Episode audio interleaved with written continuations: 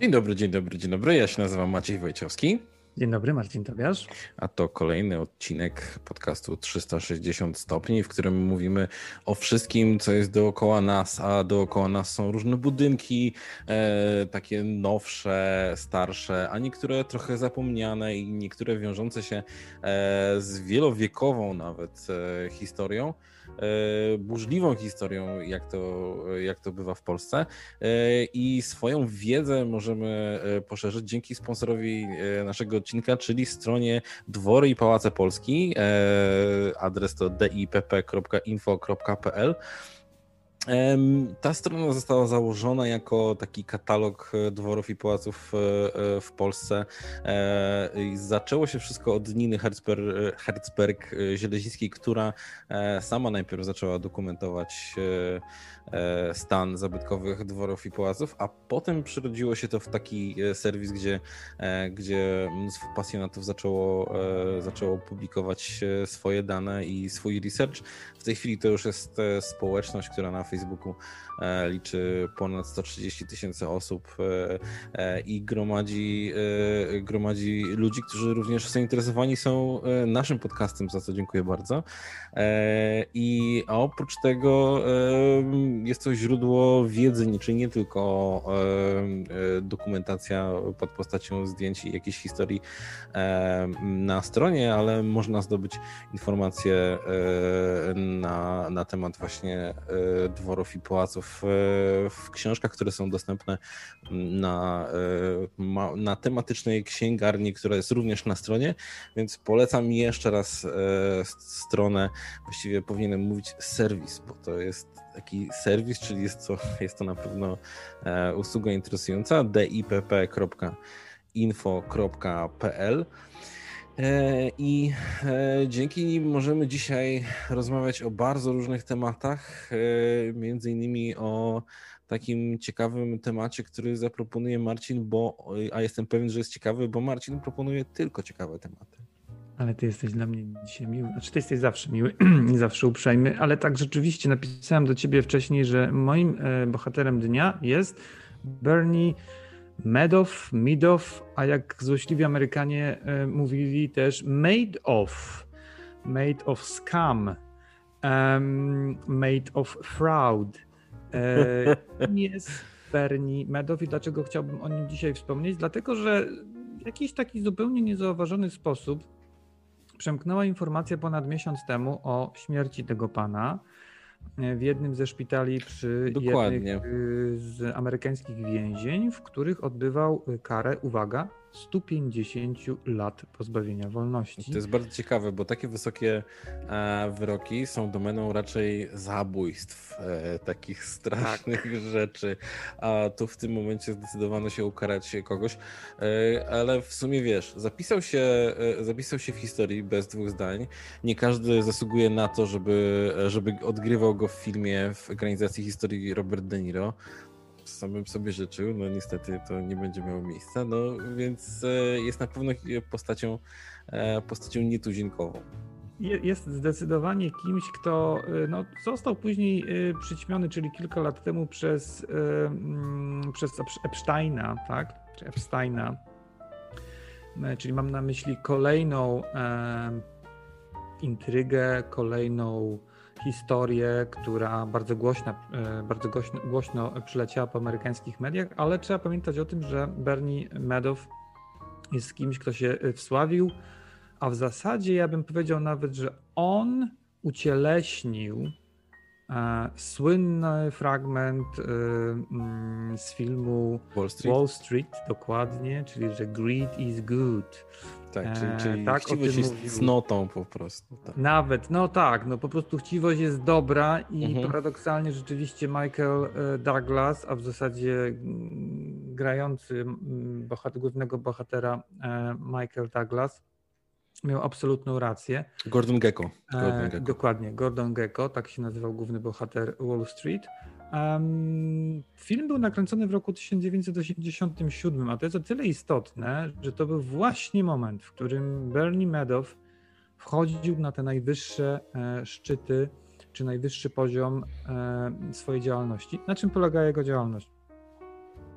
To jest banał, ponieważ polegała na stworzeniu bardzo typowej piramidy finansowej. Jak działa typowa yy, piramida finansowa? Również bardzo prosto.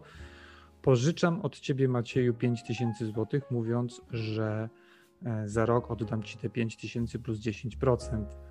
Mm, po czym idę do następnej osoby, mówiąc jej to samo, i tak dalej, i tak dalej.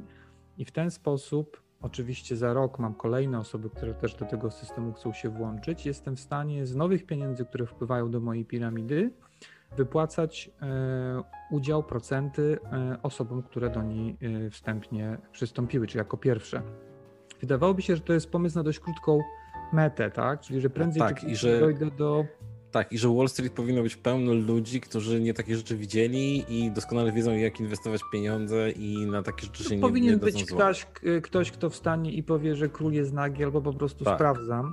Tak. Nie stało się to w zasadzie przez prawie 20 lat prawie 20 Dobra. lat, dlatego że e, dlaczego to, to jest bardzo ciekawe, dlaczego tak się stało, bo paradoksalnie takich osób, które podnosiły rękę i, krzyczyło, i krzyczały ej, tu jest, tu jest coś nie halo, e, było całkiem sporo, a przynajmniej jedna z nich e, złożyła doniesienie do nazwijmy to Ameryka, amerykańskiej komisji kontrolnej mhm. nad inwestorami, czyli jakby ochrona inwestorów E, właśnie przed tego typu, e, przed tego typu działaniami. Ale co jest ciekawe, Bernie Madoff, Madoff zaczął swoją e, karierę jeszcze w latach 60.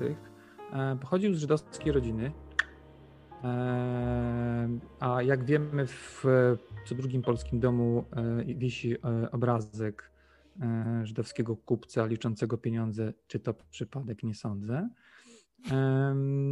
Zmierzam po prostu do tego, że e, był to człowiek, który urodził się w Nowym Jorku, nomen omen e, od strony mm, chyba dziadków jego ojca, z tego co pamiętam, e, jego przodkowie pochodzili z Polski. Część z Rumunii, część z Austrii, z tego co pamiętam. Co jest najważniejsze? Taka typowa diaspora, która tak. spotkała się w Nowym Jorku. I zaczęła działać bardzo zresztą skutecznie. I on krok po kroku, kręcąc się y, y, wokół Wall Street, y, podejmując się mm, określonych funkcji, określonych działań, głównie w obszarze rzeczywiście obrotu e, tak zwanymi penny,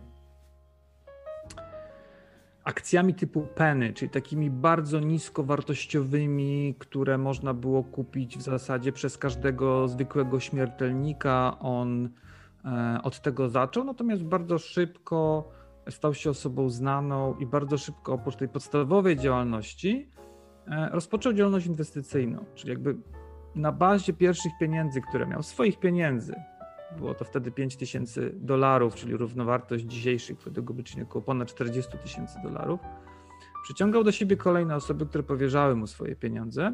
Oczywiście on obiecywał e, stałe, e, stałe, stałe, stałą stopę zwrotu, niezależnie od tego, jak e, wygląda sytuacja na giełdzie. Czyli metodą po prostu nawijania, tak? Na, na Makaronu na uszy. przyciągał coraz to kolejne osoby, natomiast był w tym bardzo sprytny, ponieważ on sam dobierał sobie klientów, tworzył aurę tajemniczości, tworzył aurę ekskluzywności wokół swojej działalności. E, poszedł bardzo mocno w stronę osób nie tyle znanych, chociaż wśród jego klientów były osoby znane, chociażby Steven Spielberg czy aktor e, Kevin Bacon, więc były osoby, nazwijmy to, ze świecznika, ale jednak poszedł w stronę osób bardziej, bym powiedział, e, trzymających się z tyłu, ale mających te pieniądze, na przykład rodzin, różnego rodzaju rodzin królewskich w Europie i książęcych. Oczywiście te rodziny siłą rzeczy napędzają kolejnych klientów i jak łatwo sobie wyobrazić, cała ta historia rosła. Formalnie zaczęła się w roku 1980, czyli tak jak powiedziałem, lata 80. to jest ten okres, w którym e, cała maszyneria e, nabierała rozpędu. On wynajął trzy piętra e, w jednym z bardziej znanych budynków w Nowym Jorku, który nosi nazwę lipstick, czyli po prostu szminka, bo rzeczywiście ma taki kształt e, bardzo charakterystyczny i szminki. Tam wynajął trzy biura, e, gdzie zatrudnił ludzi, którzy udawali zespół kupujący, sprzedający akcje. E, ponieważ cała historia polega na tym, że inwestując u niego, inwestowało się w fundusz. Mhm. Fundusz działa w ten sposób, że jeżeli my nie czujemy się, bo oczywiście fundusze inwestycyjne działają dziś absolutnie legalnie, różnej maści, jesteśmy nimi otoczeni. Fundusz działa na tej zasadzie, że jeżeli nie mamy wiedzy, doświadczenia, możliwości, czasu, żeby inwestować bezpośrednio na giełdzie w określone akcje, mhm. to inwestujemy w określony fundusz. I ten fundusz ma, zatrudnia specjalistów, którzy te pieniądze inwestują już właśnie w konkretne akcje konkretnych przedsiębiorstw. Zazwyczaj chcą zdywersyfikować ryzyko, więc część środków jest inwestowane na przykład e, w tak zwane bezpieczne e, e, papiery, czyli obligacje Skarbu Państwa, które są może nisko oprocentowane, ale z kolei jest w zasadzie gwarantowane bezpieczeństwo wypłacania środków po jakimś okresie czasu. Część środków można zainwestować w bardzo duże przedsiębiorstwa, których też ryzyko, że coś się z nimi stanie na rynku jest mniejsze i jakiś tam procent możemy zainwestować w małe, e, bardziej ambitne przedsięwzięcia. E, wtedy w latach 80., oczywiście rynek IT był takim rynkiem bardzo mocno wschodzącym i na pewno bardzo mocno kuszącym. Ale Bernie w ogóle takich rzeczy nie robił, bo on po prostu tych pieniędzy nie inwestował. E, on je po prostu trzymał na kontach, obracał tymi pieniędzmi też po części oczywiście wynagradzając sam siebie i swoich e, członków swojej rodziny, ponieważ jego dwaj synowie również pracowali razem z nim. E, I jak twierdzi wielu, ta cała historia mogłaby się ciągnąć jeszcze bardzo długi okres czasu, ale niestety nastąpił krach roku 2007-2008 i to, że pomimo tego krachu on dalej wypłacał swoim inwestorom, a przynajmniej sporej części z nich, dalej odsetki od kwoty, którą u niego zainwestowali, też wzbudziło zainteresowanie, bo skoro wszyscy leżą, wszystkie największe banki, wszystkie największe firmy, a Bernie dalej wypłaca, no to znaczy, że coś w tym wszystkim jest nie tak. Ale rzeczywiście już pod koniec lat 90. jeden z maklerów E, zaczął się przyglądać tej całej historii, e, stosując coś takiego, co się nazywa reverse engineering, czyli po prostu na podstawie wyników, które Bernie wskazywał i inwestycji w akcje, w które jakoby inwestował, wykazując zysk, odtworzył tą historię, czyli poszedł do tyłu na zasadzie, czy rzeczywiście inwestując w te akcje jakiś czas wcześniej, mhm. można było osiągnąć taki zysk. No i jak się domyślamy, oczywiście było to absolutnie niemożliwe.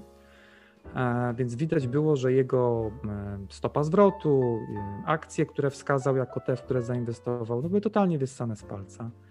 Dodatkowo, jak wiesz, każda tego typu firma powinna mieć firmę, która ją kontroluje, tak? czyli mhm. która sprawdza poprawność procesu, poprawność danych, poprawność księgowania. I okazało się, że firmą, która sprawowała nad nim e, kontrolę, była firma zarejestrowana na Bermudach. Firma zarejestrowana na Bermudach, w której był zatrudniony jeden pracownik. A mówimy już w tym momencie o przedsięwzięciu, które było warte kilkanaście miliardów dolarów amerykańskich USA. E, I to wszystko łącznie do kupy no, zaczęło się po prostu nie składać, i mm, ten makler poinformował oczywiście tę komisję kontrolną, Komisja przez wiele lat nie zrobiła absolutnie nic.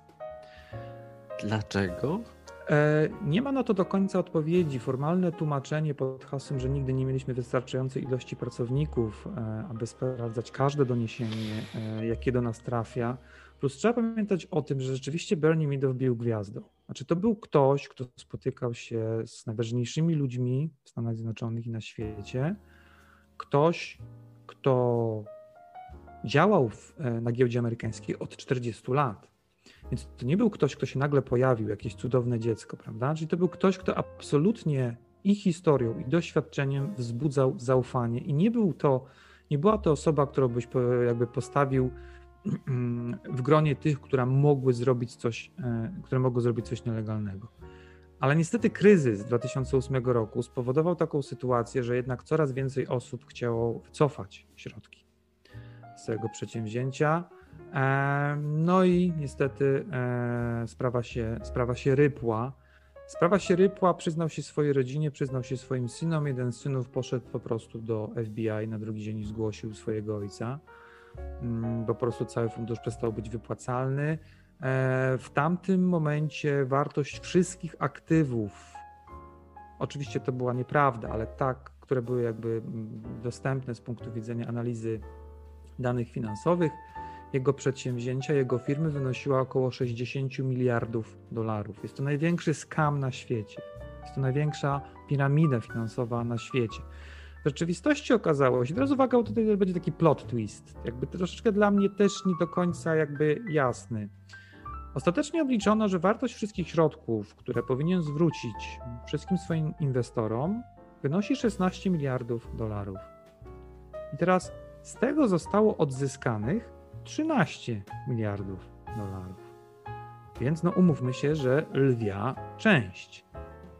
Okej, okay, można ktoś powiedzieć, no dobra, 3 miliardy to też kupę kasy. No tak, ale jakby okazywało się, że on jednak te pieniądze przez ten okres no w jakiś sposób też nimi obracał i to nie było do końca pozbawione sensu, skoro byliśmy w stanie, znaczy mhm. państwo amerykańskie było w stanie odzyskać 13 miliardów dolarów. On sam, jego majątek był obliczony na około 80 miliardów, 80 milionów dolarów, czyli wcale nie mhm. jakoś masakrycznie, bo mówmy się, że 80 milionów dolarów to naprawdę nie jest majątek, e, którego mógłbyś się spodziewać po człowieku. No, nie jestem miliarder. Nie jestem miliarder, definitywnie nie. E, po wszystkich sprawach sądowych sąd łaskawie pozwolił zostawić jego żonie sobie 2,5 miliona e, dolarów. Więc jakby no, no nie została z tak zwanym wdowim groszem, tylko raczej z całkiem Wiesz, Proporcjonalnie to właśnie wdowi grosz. E, natomiast on rzeczywiście został, y, został skazany na 150, y, na 150 lat. Jak wiemy, w Stanach obowiązuje kumulacja wszystkich e, wyroków, e, na które zostałeś, w których zostałeś skazany. W Polsce, jak wiemy, obowiązuje najwyższy E, upraszczając oczywiście wszystko, bo są, są, są jakby tam różne drogi pomiędzy, ale zmierzam jakby do tego, że, że jest to zupełnie inny system, więc oczywiście każdy wie, że 150 lat to jest absolutnie nie do przeżycia dla, żadnego człowieka, czy de facto jest to po prostu dożywocie. Dożywocie. Znaczy, ja rozumiem, że te zarzuty, które, które on dostał, to, no, to były różnego rodzaju zarzuty. Czyli pewnie było jakieś fałszowanie dokumentów, pewnie, pewnie było. Tak, e, tak. E, było tego sporo, że się nazbierało. Słuchaj, tak, dlatego że on co miesiąc, już mówimy o latach 90., mhm. wysyłał swoim inwestorom drogą mailową zestawienie wszystkich operacji, jakich, e, jakie robił z ich, e, z ich pieniędzmi. Czyli po prostu tworzył e, fikcyjne dokumenty, znaczy nie tylko on, bo umówmy się, że w to wszystko była zamieszana większa grupa ludzi. Natomiast co ciekawe, oprócz jego brata, to tak na dobrą sprawę nikt więcej nie został skazany. Znaczy, patrząc na to z perspektywy czasu, ewidentnie masz świadomość, bo ja też oglądałem film dokumentalny, który jest dostępny na YouTubie, e, polecam który e, z perspektywy czasu pokazuje tą historię. I bardzo dużo rzeczy do dzisiaj jest niedomówionych, bardzo dużo historii jest niezakończonych, dlatego że z jednej strony, tak jak mówisz, ktoś, kto był no, guru, tak, amerykańskim guru, jeszcze trzymającym się trochę w cieniu, tak jak powiedziałem, on nigdzie nie występował w żadnych y, dokumentach reklamowych, w żadnych prospektach, E, później na żadnej stronie internetowej, ale wszyscy z nami trójkę wiedzieli. szarą eminencją był. Był tak. dokładnie szarą eminencją. Siłą rzeczy też wzbudzał przez to większe zaufanie, bo inwestował również środki nie tylko swoje, ale jakby nominalnie oczywiście swoje, ale również swojej rodziny, e, swoich przyjaciół, swoich znajomych. E, ale dlaczego mówię o tym, że greed is good? Dlaczego mówię w ogóle o chciwości? Bo tak naprawdę w tym filmie dokumentalnym mamy przeprowadzone wywiady z kilkoma inwestorami, osobami, które mu zaufały. Um, I one oczywiście obwiniają rząd amerykański, one obwiniają komisję, one obwiniają wszystkich wokół siebie za to, że do tego doprowadziły, że do tego, do takiej sytuacji, taka sytuacja w ogóle miała miejsce, tak? Ale jakby nie obwiniają w tym wszystkim siebie. I powiem szczerze, że to jest dla mnie właśnie trochę dziwne, bo. A jeszcze jest jeden ciekawy element. W dużej części różnego rodzaju piramid, o których słyszymy na całym świecie, zazwyczaj jest tak, że spora część środków to są środki ludzi ubogich, to są środki ludzi, um, powiedziałbym, tak jak w polskim wypadku, prawda? Mhm. Z największych y, piramid. E, to. Mówisz o grubelnym? Czy... nie, mówię o. Co to było? Może, no, kupił potem linie lotnicze. Czy mówisz o y, Amber Gold?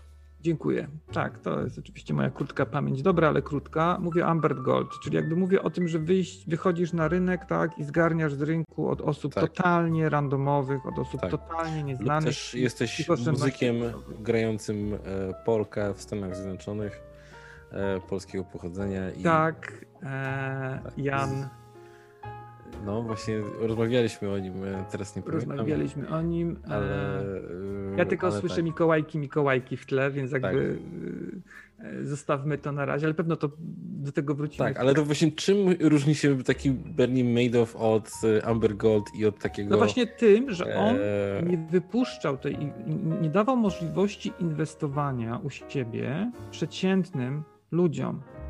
Czyli to była starannie dograna grupa bogatych już z urodzenia, z małżeństwa, ze spadku, nieważne, z działalności gospodarczej. Chociaż akurat paradoksalnie wśród osób, które zostały poszkodowane przez niego, jest bardzo mała ilość osób prowadzących biznesy. Co więcej, jest bardzo mała ilość banków i instytucji finansowych.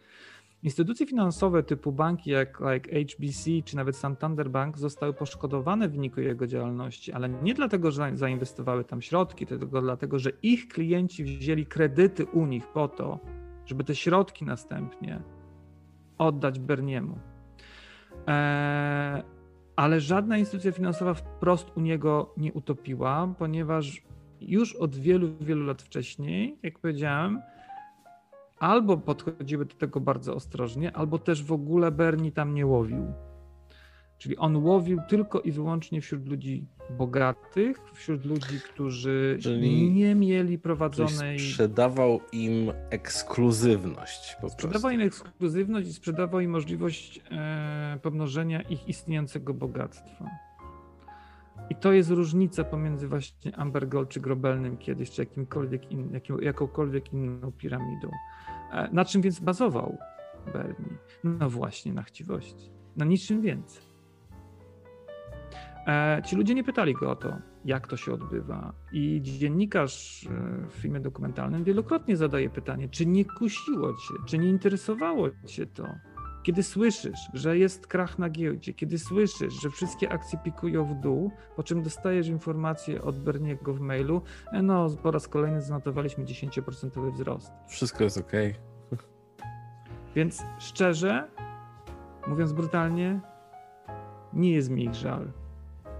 Znaczy wiesz, ja na miejscu... Upraszczając ja oczywiście, na miejscu bo dochodzę do właśnie, wniosku, wiesz, że Wykorzystałbym to właśnie na...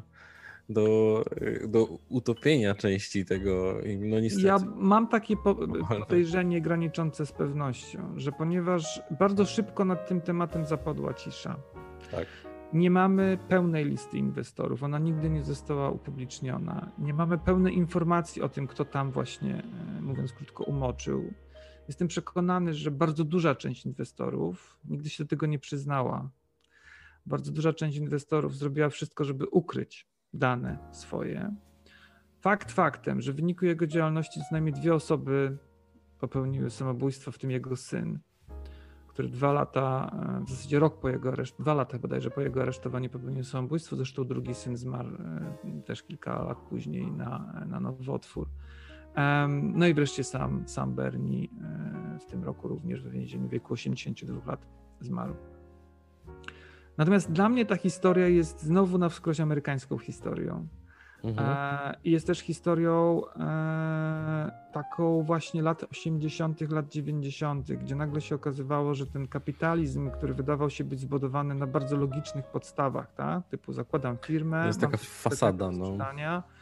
e, wiem jak to zrobić, jestem ojcem swojego sukcesu, ale to wszystko się trzyma kupy. No, znowu legła w gruzach, bo nagle się okazywało, że jednak giełda jest przede wszystkim miejscem życzeniowym. Ludzie nie, kompletnie nie rozumieją tak naprawdę tych wszystkich mechanizmów, Tak. które tam funkcjonują. E, I że właśnie. nie jest to powszechna wiedza, to raczej nie jest... jest to e, powszechna wiedza. Tak. Wiesz co, ja pamiętam, kiedy na początku lat 90. bardzo mocno zainteresowałem się właśnie mm, czymś, co wtedy się nazywało fundusze powiernicze. Mhm. to się nazywa właśnie fundusze inwestycyjne. Pamiętam, że nawet poszedłem na takie szkolenie, które zrobił jeden z pierwszych funduszy powierniczych w tamtym czasie, czyli Fundusz Pionier. To była moja Pamiętam. czysta ciekawość. e, po to, żeby zrozumieć, oni wtedy mieli trzy rodzaje funduszy, jak się domyślasz, czyli fundusz, nazwijmy to bardzo konserwatywny, e, czyli fundusz inwestujący w zasadzie 90% tylko w obligacje Skarbu Państwa, fundusz mieszany, czyli taki, który był 50-50 i fundusz agresywny, tak, który lwią część inwestował na polskiej giełdzie w różnego rodzaju polskie wschodzące e, spółki. I pamiętam to szkolenie do dziś, bo właśnie po trzydniowym szkoleniu na ten temat konstatacja jednego z prowadzących była taka, że byśmy na samym końcu pamiętali, że pomimo wszystkich bardzo wtedy już sophisticated narzędzi, jakie możesz mieć, żeby inwestować na giełdzie, prawda, różnego rodzaju tabel porównawczych, różnego rodzaju informacji, które do ciebie spływają na, wszystkich, na tych magicznych ekranach z cyferkami, to na, dobrym, na, na dobry sposób, czy w dobry, w konkretny sposób nie jesteś w stanie tak naprawdę obliczyć prawdopodobieństwa zachowania się e, określonych akcji, czy określonych danych, określonych e, spółek, notowań określonych spółek w danym okresie czasu. Czyli, że na samym końcu jest to jednak igranie z losem. Co i dużo mówić, jest to hazard. No. Jest to hazard, tak. Jest to, jest, jest to usankcjonowana przez państwo i dopuszczalna dla wszystkich forma hazardu. Oczywiście chodziło o to, że fundusze jakby przejmują tą część ryzyka na siebie,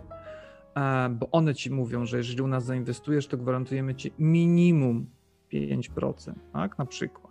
Tak, myśmy um, kiedyś mówili, bo dla, dla mnie jeszcze fascynujący jest stopień wirtualności tego. E, czyli nie... Który jest dzisiaj totalnie jeszcze tak, większy niż wtedy. Tak, gdzie, gdzie nie jest nawet mowa o akcjach, tylko szansach na akcje, e, tak. albo wręcz jest możliwe e, stawianie na na spadek. E, na spadek. Czyli, czyli to, to, już mówimy o hazardzie, to już mówimy o właśnie obstawianiu warunków jakichś on, on tak tłumaczył, wartości e, akcji. Wiesz, co jest trochę też, na, może nie tyle na jego obronę, no, mówię teraz znowu o Bernim, dlatego, że on rzeczywiście był jedną z osób e, pod koniec lat 70. i, i początkiem lat 80., która na amerykańską giełdę na skład wprowadził systemy komputerowe. Czyli jakby wprowadził narzędzia, które E, miały nie tylko zarządzać całym systemem informacji, ale również pomagać maklerom właśnie w określaniu szans. I teraz on to sprzedał jako fajną legendę, mówiąc o tym, że skoro ja za tym stałem, to coś z tego zostawiłem dla siebie, komu nie dałem nikomu innemu. Czyli, że ten mój sposób inwestowania jest oparty o narzędzia e, IT, czyli jakiś program, tak, programy komputerowe, które pozwalają mi z bardzo niewielkim ryzykiem inwestować E, środki. E, I teraz, jeżeli się cofniemy 100 lat wcześniej, tak, tak, początek XX wieku, czyli wchodzisz na giełdę, na przykład znajdujesz firmę, która produkuje cegły, tak?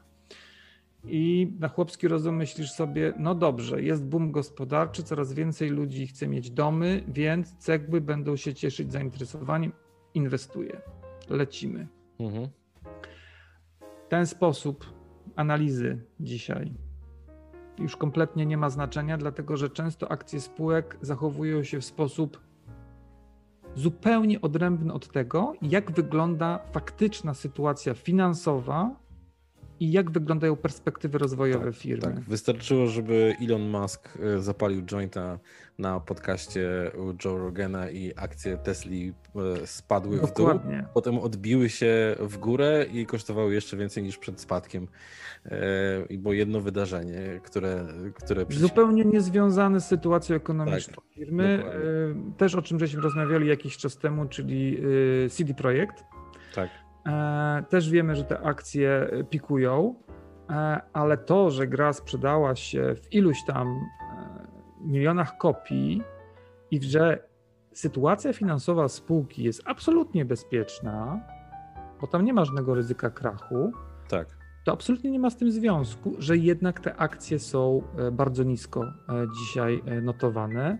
Ma to związek bardziej z tym, że niestety Cyberpunk zaliczył po prostu falstart Tak. Źle wszedł e, w temat. Znowu, nie na każdej konsoli, jak wiem, o tym żeśmy rozmawiali. Um, i, ale, i ty w, i, ale w tym momencie już nie wiem, czy, czy złapałeś. Na przykład próbują to odbić jakoś, e, e, pokazując ile rzeczy mają, wiesz, w backlogu, ile tytułów tak, wypuszczają, tak. E, że tak naprawdę e, cały czas pracują i cały czas pracują nad wieloma projektami, czyli będą e, firmą opłacalną i to jest wszystko robione po to, te wiadomości po to są właśnie tak. wypuszczane, żeby utrzymać e, firmę na jakimś tam poziomie. Czyli te wszystkie tak naprawdę racjonalne rzeczy decydują o tym, prędzej czy później e, e, rynek reaguje na to, ile firma jest warta. Czyli te, te dane, które trzeba przeanalizować, żeby faktycznie grać na giełdzie z jakąś tam względną po prostu świadomością tego, co się dzieje, tak. to jest morze informacji. I to są może, i to są informacje dotyczące samej firmy i, i wielu branż i tego, jak otoczenia konkurencyjnego, otoczenia konkurencji, specyfiki rynku, specyfiki e, e, na przykład e, rządowej w kraju, w którym ta firma funkcjonuje. Tak. No to jest naprawdę morze informacji. I nagle zjawia się ktoś, kto mówi, ja to wszystko rozpykałem lewą ręką, małym palcem i będziecie mieli takie zyski, że padniecie na twarz z wrażenia. A wszyscy mówili, Wow. I to są ludzie, co też podkreślę, bo to naprawdę w większości są ludzie wykształceni, ludzie świadomi, światowi, tak bym nawet e, więc, rzekł. Więc na pewno nie można było odmówić e, charyzmy. E, nie, tylko widzisz, teraz można stworzyć właśnie pomoc pomiędzy udziałowcami, znaczy inwestorami Amber Gold w Polsce. Bo pamiętasz te sceny. Amber Gold w Polsce, Jana Lewana w Pensylwanii, Jan Lewan Właśnie Jan Lewan sprawdziłem. E, Jana Lewana w Pensylwanii i Berniego Miedowa w Wall Street. Tylko I to jest ten sam... budżet troszeczkę inny jest. Budżet wiesz? trochę inny, mówimy... ale sposób myślenia identyczny, identyczny. E, w, każdym, w każdym wypadku. Czyli pomimo tego, że ileś głosów rozsądku, ileś informacji mówić o tym, jak w przypadku Amber Gold, to tak. nie jest bank. Nie masz gwarancji. To nie jest bank, nie masz gwarancji i takich zysków nie obiecuje nikt, bo to, bo to nie tak. jest możliwe. I ten z, sam z, element, z jakiegoś powodu. Ten sam element zadziałał i y, właśnie u Berniego. Jedyną osobą, tak, patrząc z perspektywy czasu, no. która. Mówię teraz o Warrenie Buffetcie. Mhm. E, jeden z najbogatszych, e, ale też najbardziej szanowanych e, amerykańskich miliarderów, który rzeczywiście lwią część swojego majątku zbił tylko i wyłącznie poprzez inwestycje na giełdzie. I to jest w zasadzie dla mnie wyjątek, potwierdzający regułę. Tak?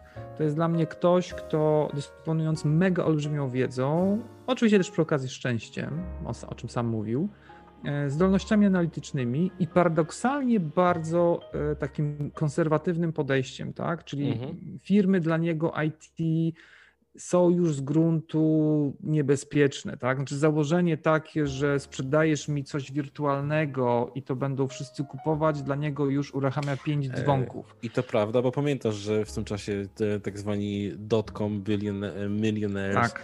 E, byli, e, tworzyli się z dnia na dzień, ale z dnia na dzień również przestawali istnieć. Tak. Mar marki, które wydawałoby się są marmurowe, jak Yahoo na przykład i, i, i i wiele innych. Dzisiaj nie mają w ogóle racji bytu i nie istnieją. Po prostu ich nie ma.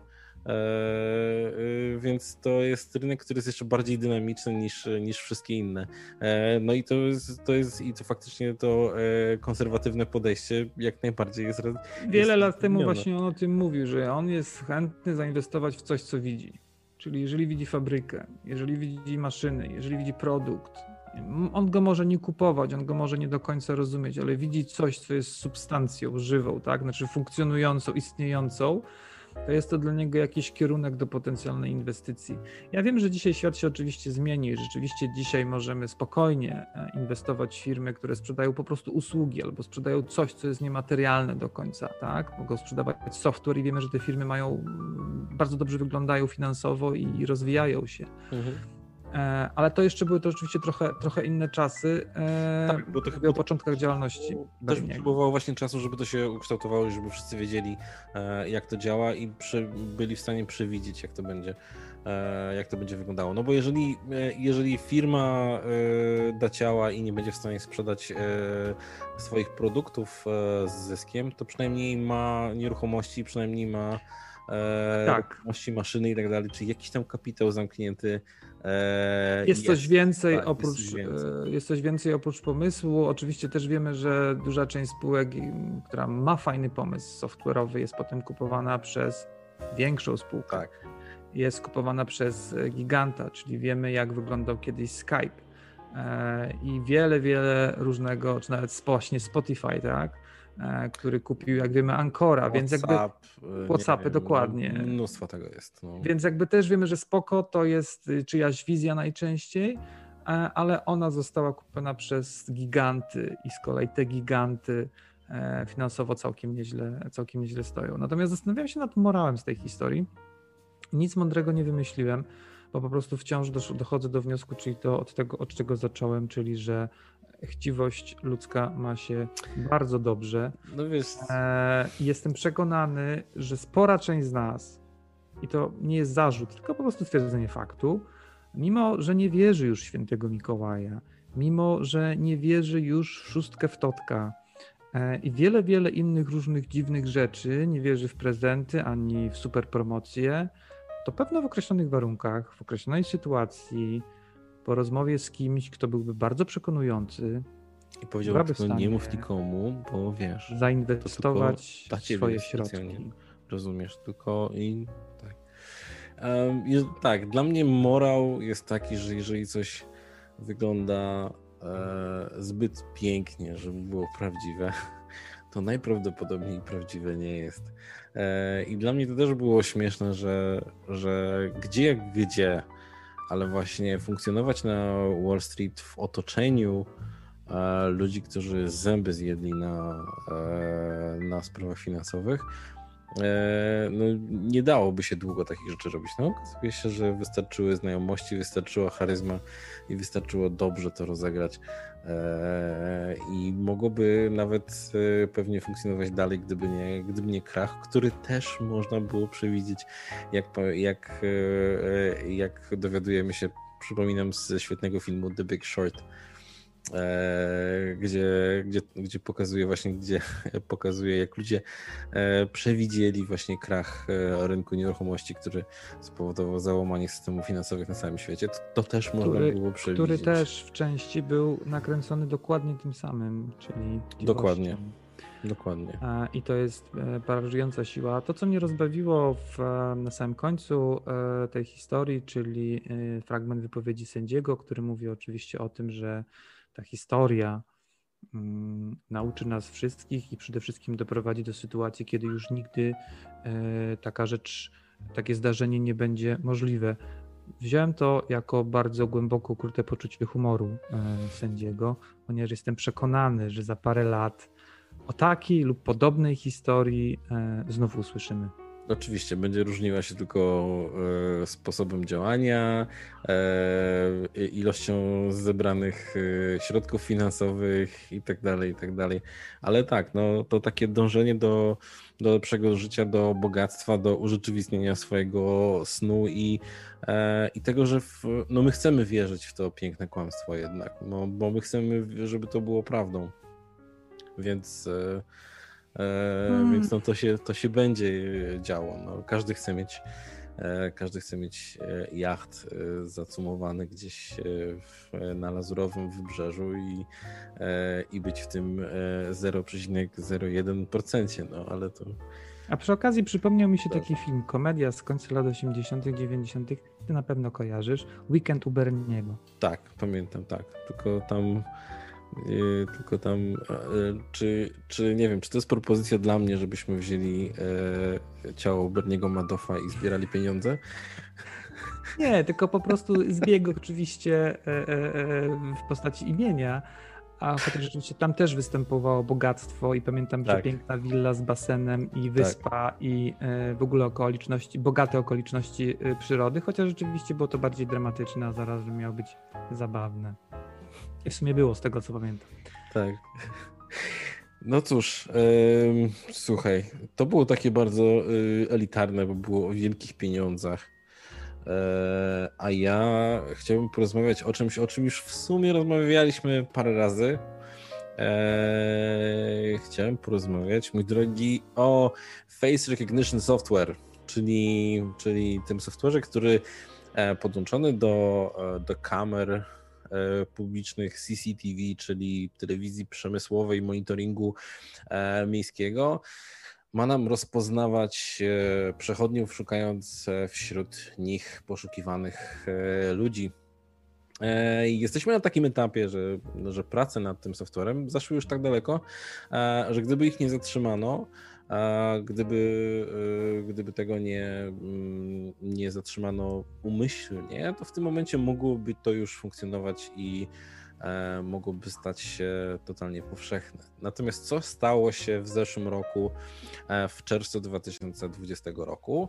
E, trzech gigantów praktycznie w odstępie kilku dni zgodnie powiedzieli, że zawieszają pracę nad, nad Face Recognition Software. Bardzo ciekawe. I to jest IBM, Amazon i Microsoft, czyli no, taka trójka już marek, które są. Trójca pod wezwaniem. Dokładnie. Ale rozumiem, już... E, że Chińczycy też zamierzają się do tego zastosować. No myślę, troszeczkę jakby tutaj wy, wybiegłeś na, naprzód. A dlaczego, dlaczego ta trójka postanowiła tak. zatrzymać? Dlatego, że e, powiedzieli, że poczekają na, e, na, us, e, na uregulowanie ustawodawcze po prostu tego, e, jak to powinno wyglądać, kto to powinien stosować. E, i e, po prostu... Jak, Jeszcze raz, IBM, Amazon, Microsoft, czyli mówisz tak. o trzech amerykańskich gigantach, czyli rozumiem, że oni tak. czekają na działania ze strony amerykańskiego Kongresu. rządu. Wiesz, od czerwca zeszłego roku 2020 na rynku, e, na rynku, na arenie politycznej amerykańskiej działo się kilka rzeczy. No. Ale rzeczy się zmieniło. No, no.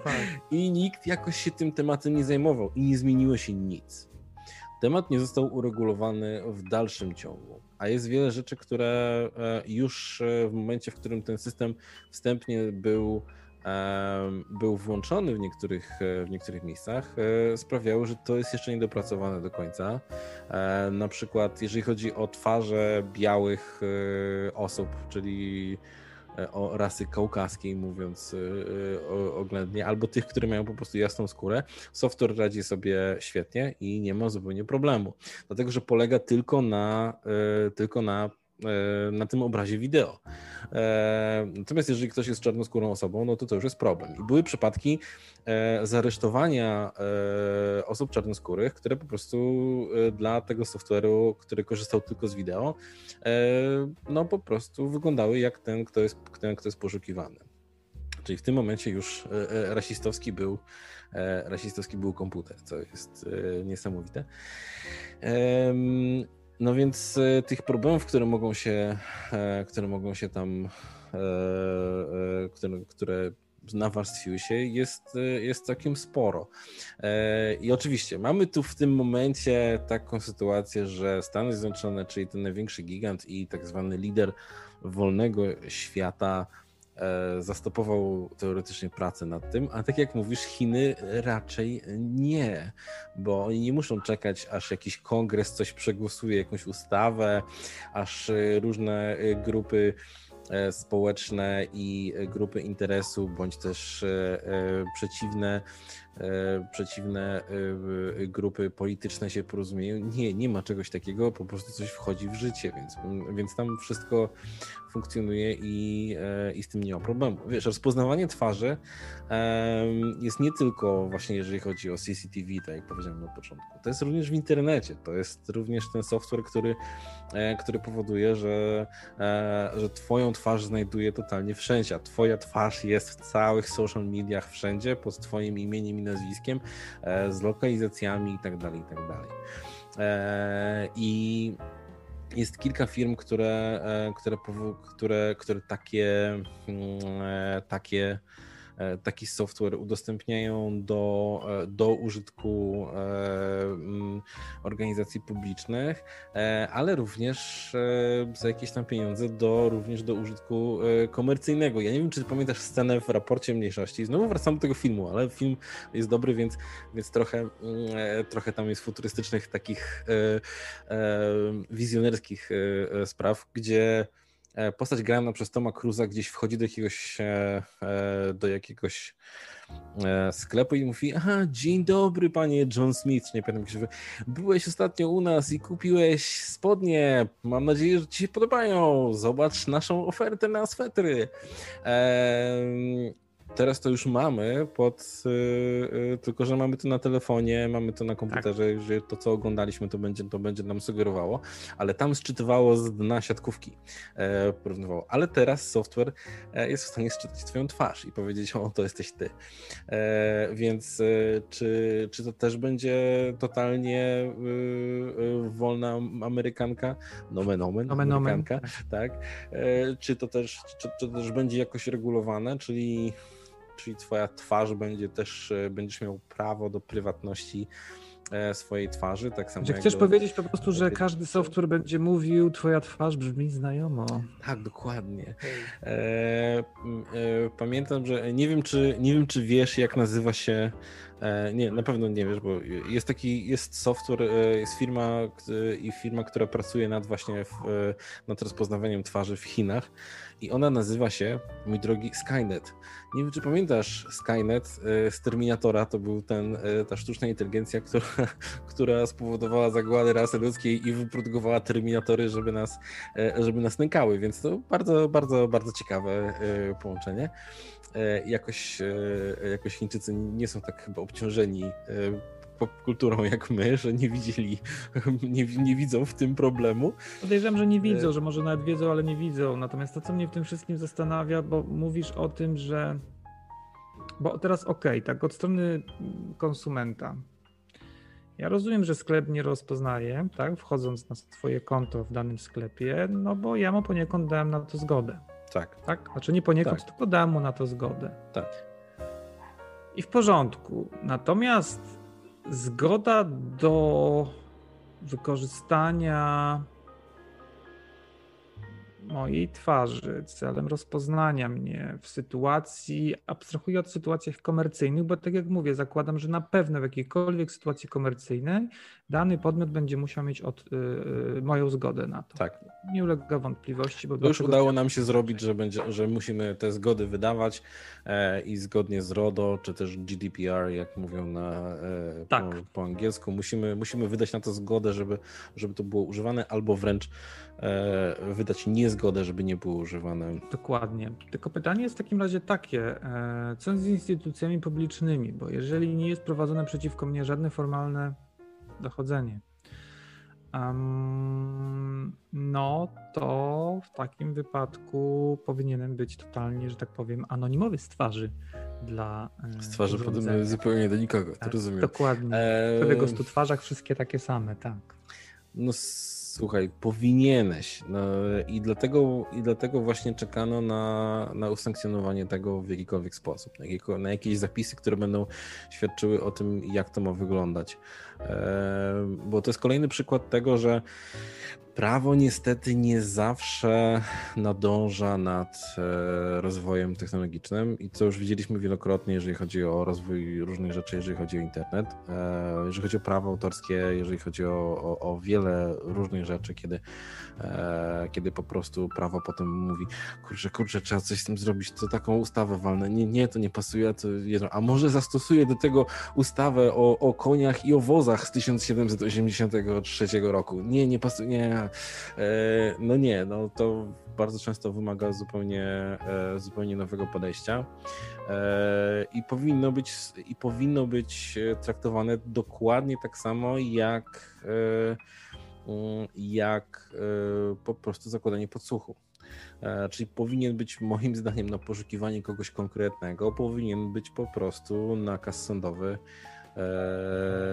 tak jak jest nakaz sądowy na powinien być, bo w Polsce to już inaczej trochę wygląda, e, na podsłuchiwanie kogoś. Dlaczego? U nas na pewno wszystko jest zrobione zgodnie z e, No, ustawa podsłuchowa u nas trochę, e, trochę namieszała w tym i uczyniła sposób, uczyniła trochę łatwiejszym zakładanie podsłuchów podejrzanym i skróciła tą drogę totalnie. I pamiętam, że pamiętam, że wszyscy e, obrońcy prywatności e, oburzali się i tak ta karawana z tą ustawą szła sobie dalej, a oni się oburzali i dalej. I to się, to generalnie weszło w życie. Oczywiście mnie to nie dotyka, bo, a może dotyka, nie wiem, może ktoś mnie podsłuchuje, a ja tego nie jestem w stanie e, sprawdzić. Pozdrawiam w tym momencie z tego miejsca e, wszystkich agentów, którzy, którzy tego słuchają. Przykro mi, że tak wygląda wasza praca. E, e więc e, no cóż, należy raczej, należy raczej spróbować właśnie być na bieżąco, bo w tej chwili, jeżeli chodzi o to, czyli ten software do rozpoznawania twarzy, jesteśmy do tyłu. Jesteśmy do tyłu moim zdaniem o kilka lat, jeżeli chodzi o, o rozwój, o usankcjonowanie tego. Wiesz co, e... wierzę w to, że po pierwsze tak, że Amerykanie się jednak nad tym pochylą, bo, bo, bo jestem przekonany, że jakaś tam spora część e społeczeństwa amerykańskiego, albo wystarczająco spora część e, społeczeństwa amerykańskiego może pod tym kątem zadziałać. Poza tym obecny prezydent jakby jest ciutkę inny w kontekście podejścia do praw, przynajmniej w strony werbalnej, do praw człowieka, praw obywatela, więc e, podejrzewam, że też jest w stanie sobie to fajnie e, marketingowo zrobić z tego świetne narzędzie. Co do Polski, to z kolei mam zupełnie odwrotne przekonanie.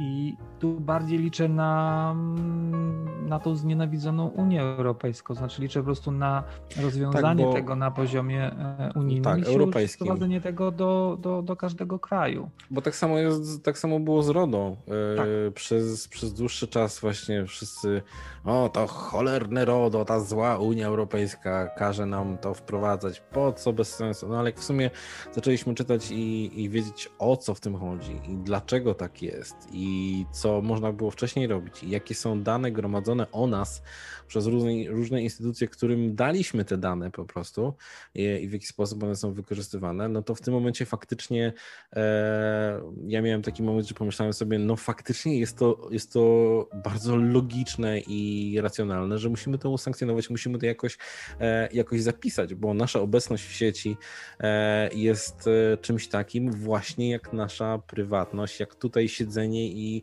e, i posiadanie mm, wolności w ramach swoich czterech kątów, e, ponieważ już mamy totalne okno na świat. I tak samo powinno być e, w, w pewnym sensie z naszą twarzą, czyli jeżeli jesteśmy, jeżeli mamy być poszukiwani przez właśnie i nasze zasoby wszystkich naszych social mediów mają być przeszukiwani, no to fajnie by było, żeby, żeby było to usankcjonowane i, e, i przyklepane chociaż przez prokuratora, e, który wydaje nakaz, bo jesteśmy o coś podejrzani na przykład. Jestem przekonany, że jest jedna branża, która w tym momencie zaciera ręce i to taka wskazówka dla tych, którzy zastanawiają się, jaki zawód wybrać w przyszłości, który na pewno będzie dochodowy i w którym na Jeżeli pewno nie Chcesz powiedzieć chirurg tak. plastyczny? Bingo. Nie, wiesz, że to nie działa na face recognition Nie, no jakoś tam powinno zadziałać, no słuchaj. Jednym no, z kryteriów, które, e, które software mierzy jest mhm. coś, mhm. jest rozstaw oczu względem czaszki. Jestem przekonany, że zdolni chirurdzy są, w stanie... są w stanie rozsunąć ci geometrii oczu. No nie, ale są w stanie zamaskować tak, żeby stworzyć, wiesz, optyczne wrażenie, że oczy są bliżej, oczy są dalej. Nie. Właśnie to jest optyczne wrażenie twoje, ale pomiar e, laserowy, e, bo... Ech, nie dajesz bo, żadnej szansy.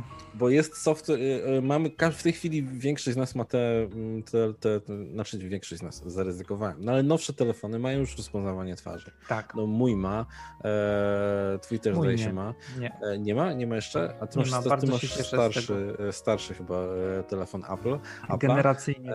Tak. tak. Mój syn ma nowszy i z tego co pamiętam, na przykład Apple ma e, lepsze rozwiązanie, jeżeli chodzi o rozpoznawanie twarzy, czyli otwieranie telefonu e, twarzą, dlatego że oni nie używają tylko wideo, tylko używają kilku E, trzech w sumie e, sposobów. Jest podczerwień, jest, e, jest właśnie wideo i jest jeszcze coś, teraz już nie pamiętam, gdzie szczytuje ci twarz i w tym momencie nieważne, czy jesteś właśnie, czy jesteś z rasy kaukaskiej, czy jesteś pochodzenia afrykańskiego, czy masz ciemną skórę i tu nie zawsze wideo ci twoje, twoją geometrię twarzy wystarczająco skutecznie mhm. ogarnie, to, to jest bardziej wymierne, ale tutaj zwykle mówimy o rozpoznawaniu takim wideo, bo chodzi też o zdjęcia, chodzi o, o wszystko, co jest w, w sieci. Jeden z tych takich software'ów, który jest stworzony przez, jedne, przez zupełnie inną firmę, nie jedną z tych trzech gigantów, Widziałem taki fragment, kiedy E, e, kiedy jeden z reporterów e, wrzucił w ten software swoje zdjęcie i swoje zdjęcie mm, teraz, czyli swoje zdjęcie najnowsze i znalazł oczywiście zdjęcie z jego redakcji, bo jego zdjęcie jest tam na stronie redakcji i tak dalej w wielu momentach, ale znalazł jego zdjęcie jak był nastolatkiem i jest zdjęcie z gazety, bo był w drużynie piłkarskiej. Więc tak, ten software jest na tyle dobry, że jest w stanie e, e, znaleźć e, tak rzeczy tak głęboko, czyli e, nawet jak nam przybędzie kilogramów albo nam ubędzie kilogramów, e, to też e, nie, nie możemy się czuć tacy, tacy stuprocentowo pewni, bo właśnie niektórych rzeczy nie zmienimy, jeżeli chodzi o, o, wygląd, o wygląd twarzy. Więc cóż, permanentna inwigilacja, inwi podkop, lampa w podłodze. Eee, cytując Nie jest to pozytywne, klasyka. szczerze. Eee, no, widzisz, i ja uważam, że wszystko może być jakoś tam, z jakąś tam korzyścią społeczną, e, bo wyobrażam sobie taki moment, że faktycznie będzie można szybko złapać jakiegoś przestępcę, ale z drugiej strony w rękach reżimu może to się stać straszną, straszną bronią, gdzie, gdzie nie będzie czegoś takiego. Ja zawsze jak oglądam firmy, filmy science fiction i są gdzieś jakieś, jakaś wizja przyszłości i i przestępca, bądź też poszukiwany właśnie przez reżim, przemyka między tymi latającymi samochodami w mieście i tu siada z kołnierzem podniesionym. To jest totalna bzdura, bo nawet dzisiaj są już środki i są tak. już, żeby, żeby taką osobę znaleźć. Wszystkie duże miasta są okamerowane gęsto, e, nawet w Polsce e, i jest możliwość zrobienia dużego zbliżenia i, e, i szukania, więc totalnie e, to nie jest aż tak e, proste proste, e, a dzięki jakimś właśnie, e, dzięki rozwojowi e, software'u, dzięki, dzięki temu wszystkiemu staje się to jeszcze trudniejsze. Czyli znowu ta odwieczna dyskusja prywatność kontra bezpieczeństwo, czyli to odniesienie się do już tak fundamentalnych kwestii funkcji państwa, tego lewiatana, któremu oddajemy oddajemy część swojej wolności za jakąś namiastkę e, bezpieczeństwa. Bez, bezpieczeństwa. Dziękuję Ci bardzo za te momentami, e, momentami tylko pozytywne rozważania, bo najpierw była chciwość, a potem jest inwigilacja. Tak, pomyślałem, że możemy zrobić taką serię siedem grzechów głównych. E, chciwość już mamy za sobą. Tak. Tak, tak, dokładnie. E, pozytywne niech będzie e, w tym odcinku nasz sponsor, czyli strona dipp.info.pl, czyli dwory i Pałace Polski. Dzięki, e, dzięki temu, że nas sponsorują, możemy mówić o bardzo pozytywnej rzeczy, o przedsięwzięciu, które ma za zadanie dokumentowanie e, e, rzeczy, które, które są zaskakująco moim zdaniem nietrwałe, bo wydaje się, że jeżeli jest budynek, to jest on na lata, a część z tych budynków, które, która jest udokumentowana na stronie dipp.info.pl jest w takim stanie, że, że jest tylko echem swojej dawnej świetności, ale dlatego też warto, warto wiedzieć, że takie rzeczy istniały, takie miejsca istniały i warto odwiedzać stronę. E, więc dziękuję jeszcze, e, jeszcze raz sponsorowi. Dziękuję Tobie, Marcinie, dziękuję słuchaczom, e, dziękuję widzom, dziękuję słuchaczkom i dziękuję widzkom. Zapraszam do, do słuchania i do oglądania naszych podcastów, oglądania na YouTubie, słuchania na siedmiu platformach. Na siedmiu platformach. Spotify, Apple Podcast, Google Podcast, i jeszcze czterech innych, których niestety nie pamiętam. I też zachęcamy po raz kolejny do tego, żeby się z nami komunikować na naszym, na, naszej, e, na naszym koncie facebookowym, zadawanie nam tematów, czy też wskazywanie nam tematów, może obszarów, w których jesteście bardziej zainteresowani, bo Jak wiecie, my możemy wciąż mówić, tak jak do tej pory mówimy, wciąż o tym samym, wciąż w sposób rozwlekły, wciąż w sposób pesymistyczny, ale na przykład jakbyście chcieli usłyszeć coś optymistycznego, no to napiszcie, że polelibyście nas na przykład w anturażu optymistycznym. Więc zapraszam do komentowania na YouTubie, zapraszam do komentowania na stronie facebookowej. To są takie możliwości. Y, na stronie facebookowej nie można publikować własnych postów całych, ale na pewno można komentować posty, które, które są. Więc pod postem tego odcinka zapraszam na sugestie e, tematu. E, nawet jeżeli będzie to sugestia niepoważna, to e, zapraszam. Na sugestie niepoważne również reagujemy. Więc dziękuję bardzo. Do widzenia i do usłyszenia. Do usłyszenia, do zobaczenia.